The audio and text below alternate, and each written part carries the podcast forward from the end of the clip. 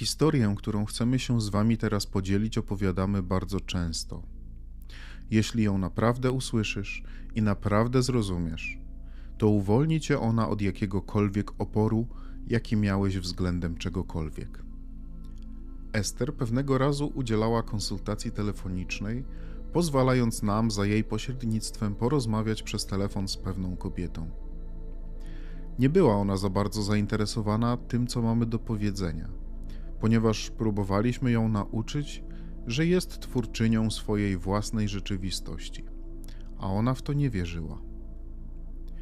Wierzyła, że gdyby to od niej zależało, to wszystko szłoby lepiej. Myślała więc, że muszą być jakieś inne czynniki, które mają wpływ. I tak naprawdę to chciała, żebyśmy jej zwyczajnie przepowiedzieli przyszłość.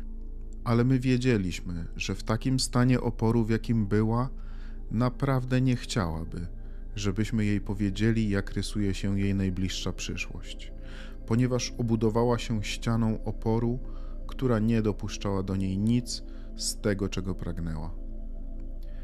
Więc życie udowadniało jej, że była niegodna i niekochana punktowała wszystkie manifestacje w swoim życiu i na podstawie tego, w jaki sposób się materializowały, doszła do wniosku, że radzi sobie źle i zdecydowała, że to nie jest jej wina.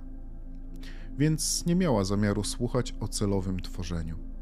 My więc powiedzieliśmy: Porozmawiajmy w takim razie przez chwilę o zupełnie innych rzeczach. Na przykład jakich? zapytała. Odpowiedzieliśmy: Chcielibyśmy porozmawiać o niebieskim szkle.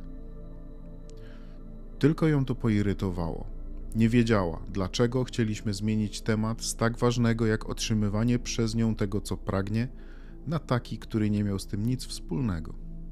W niebieskim szkle nie ma zupełnie niczego, co by ją interesowało.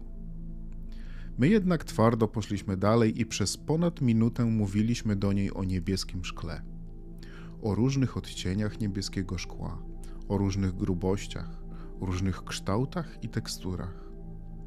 Podczas gdy my coraz bardziej koncentrowaliśmy się na niebieskim szkle, ona stawała się coraz bardziej poirytowana. Wtedy powiedzieliśmy: Skupmy się na czymś innym. Porozmawiajmy o motylach. I znów ona nie widziała w tym żadnego sensu, bo nie przybliżało jej to do tego, czego pragnie. My jednak znów trzymaliśmy się swojego i przez ponad minutę mówiliśmy do niej o motylach. O różnych gatunkach, rodzajach, kolorach i rozmiarach motyli. A następnie powiedzieliśmy: Pomówmy o piórkach. Nie chciała rozmawiać o piórkach. Była tak poirytowana, że w końcu powiedziała: Bardzo dziękuję za stracony czas, ta konwersacja była zupełnie nieprzydatna. Żegnam. I się rozłączyła. Ester była w pokoju sama. Jerry nie słuchał tej rozmowy, był w innym pomieszczeniu. I zaraz po tym pojechali wspólnie na obiad. Byli właśnie w Kalifornii, gdzie jest piękne miasteczko, które uwielbiają. Nazywa się La Jolla. Jest tam piękna restauracja, w której bardzo lubią jeść, więc właśnie tam od razu się wybrali. Była niedaleko i jakieś 10 minut od tamtej rozmowy telefonicznej wysiadali już z samochodu i szli w dół ulicy do tej restauracji, którą tak bardzo lubią. Obydwoje już byli bardzo głodni, szli spiesznym krokiem, ale w połowie drogi między samochodem a restauracją był sklep, który Ester poczuła, że wzywa ją do środka. Jerry nie mógł zrozumieć dlaczego, bo obydwoje byli bardzo głodni, ale Ester nalegała. Chodź ze mną, tylko na minutę, chodź proszę. To nie było coś niezwykłego, bo Ester lubi sklepy, w przeciwieństwie do Jerego, ale w końcu poszli. Weszli w głąb sklepu i na jego końcu znajdowała się cała wielka ściana rzeczy zrobionych z niebieskiego szkła. Cała masa różnych was, szklanek i ozdób w różnych odcieniach i teksturach niebieskiego szkła. Gdy Ester to zobaczyła, w ogóle nie skojarzyła tego z niedawno przeprowadzoną rozmową, ponieważ gdy Ester mówi w naszym imieniu, to nie zawsze jest skupiona na szczegółach tego, o czym mówimy. Jest tak zaabsorbowana procesem tłumaczenia otrzymywanych wibracji na słowa, że nie jest w stanie wszystkiego jednocześnie świadomie rozważać. Tak więc w tym przypadku w ogóle nie powiązała tej ściany niebieskiego szkła z niedawną konwersacją, która ten temat w niej aktywowała. Następnie poszli w końcu do restauracji, zjedli wspaniały obiad i zdecydowali, zostali zainspirowani, poczuli impuls, żeby w ramach spaceru zejść do pięknej zatoki, która była w pobliżu. Przeszli kilka ulic, aż pojawił się przed nimi wielki obszar bujnej trawiastej zieleni, przez którą dalej prowadziła ścieżka do skał i dalej na plażę. Gdy szli tą ścieżką, nagle z trawy podniosło się mnóstwo motyli. Było ich tak dużo, że mieli je dookoła siebie z każdej strony i leciały za nimi przez kilka kolejnych kroków przez trawnik. Motyli było tak gęsto, że przestali mówić, żeby żadnego niechcący nie zjeść. I nadal Ester w ogóle nie powiązała swojej obecnej rzeczywistości z tym, co zostało w niej aktywowane podczas rozmowy nieco ponad godzinę wcześniej. I wtedy Jerry nagle zobaczył małego chłopca i powiedział do Ester: Spójrz na tego chłopca, patrzy na ciebie, jakby cię znał. Spojrzała więc na niego, ale nie znała go. To był mały chłopiec, trzy, może czteroletni. Właśnie podszedł prosto do Ester i wręczył jej piórko. Podniósł je z ziemi i poczuł inspirację, żeby wręczyć je Ester. W tym momencie Ester uświadomiła sobie, co się wydarzyło. W ciągu bardzo krótkiego czasu trzy rzeczy, w stosunku do których w swojej wibracji nie miała absolutnie żadnego oporu, zamanifestowały się w jej rzeczywistości. Tylko w wyniku uwagi poświęconej im w zwykłej rozmowie. To doświadczenie było dla niej bardzo znaczące, ponieważ uświadomiło jej, że tak łatwo jest myśleć o rzeczach, o które się bardzo troszczysz lub bardzo martwisz. I w dużej części rzeczy, których pragniesz, a które jeszcze się nie zamanifestowały, są rzeczami, o których myślisz najwięcej. Więc nawet nie zdając sobie z tego sprawy, zaczynasz myśleć więcej i więcej o rzeczach, których chcesz, ale będąc w stanie oporu. Gdybyś jednak mógł myśleć o rzeczach, względem których nie masz żadnego oporu, to zamanifestowałyby się prawie natychmiast. I tak, jak to doświadczenie, którego nigdy nie zapomni, zademonstrowało Ester, że nawet kilka rzeczy może zamanifestować się niemal jednocześnie, tak w taki sam sposób cały wszechświat działa dla ciebie. Wszystko, czego pragniesz, zostało już dla ciebie zebrane, przygotowane i czeka w kolejce do ciebie. I gdybyś tylko odnalazł ten zrelaksowany stan, w którym nie próbujesz za mocno, nie starasz się za bardzo i na siłę, w którym nie praktykujesz myśli dotyczących Twoich własnych ograniczeń, dysfunkcji i niezasługiwania, z których żadne i tak nie istnieje. Gdybyś mógł nie aktywować tych rzeczy, przestać robić te rzeczy, które powstrzymują to, czego pragniesz przed przyjściem do Ciebie, to wtedy przyjdzie. To jest właśnie głównym przesłaniem.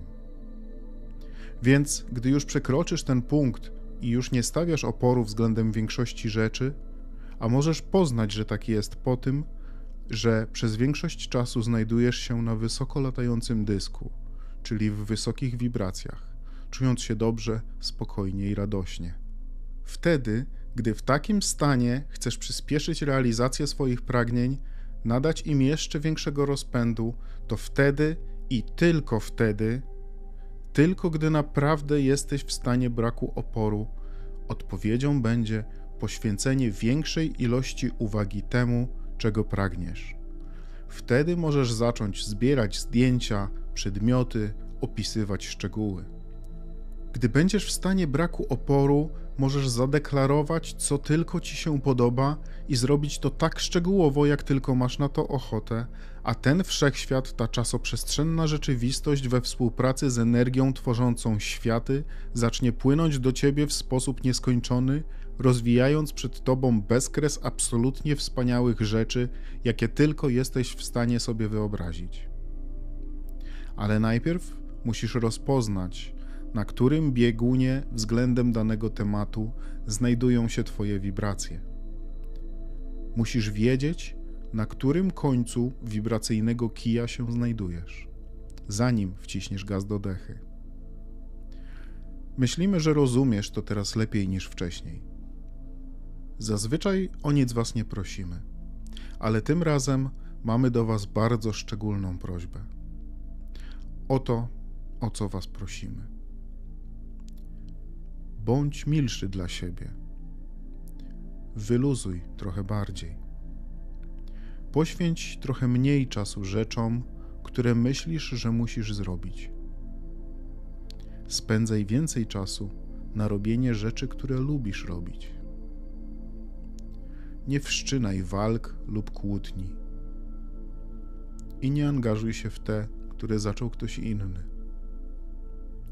Szukaj rzeczy, które są humorystyczne i zabawne. Spędzaj więcej czasu sam ze sobą. Częściej wychodź na zewnątrz. Patrz na korzyści, jakie ta czasoprzestrzenna rzeczywistość ci oferuje.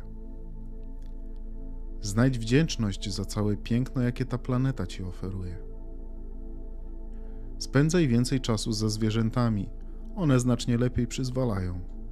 Powiedz swoim ludzkim przyjaciołom, że ich kochasz i zobaczycie się później. Podchodź do wszystkiego na spokojnie. Szukaj we wszystkim więcej radości i dobrej zabawy. Bądź dla siebie świadomie bardziej samolubny. Rób więcej rzeczy, które sprawiają, że ty czujesz się dobrze. Pozwól swojej liście rzeczy do zrobienia dzisiaj poczekać do jutra i do pojutrze. Innymi słowy, daj sobie trochę wytchnienia i wrzuć na luz. Jesteś na to gotowy. Umieściłeś w swoim wirze tak wiele rzeczy, które dojrzały i są gotowe dla ciebie. Po prostu podejdź do tego na luzie i zobacz, co się stanie. Jeśli uda ci się wprowadzić w życie coś z tych rzeczy, o które cię właśnie prosiliśmy, zaczniesz zauważać dowody na to, czego pragniesz, ponieważ na nie zasługujesz, jesteś na nie gotowy. I był tylko jeden powód wstrzymujący je przed manifestacją, a jest nim to, że pracujesz zbyt ciężko i próbujesz za mocno, wierząc, że wszystko zależy od Twoich działań, a nie od wibracji. Przekazujemy Wam wielką miłość i jak zawsze pozostajemy w Waszym wirze.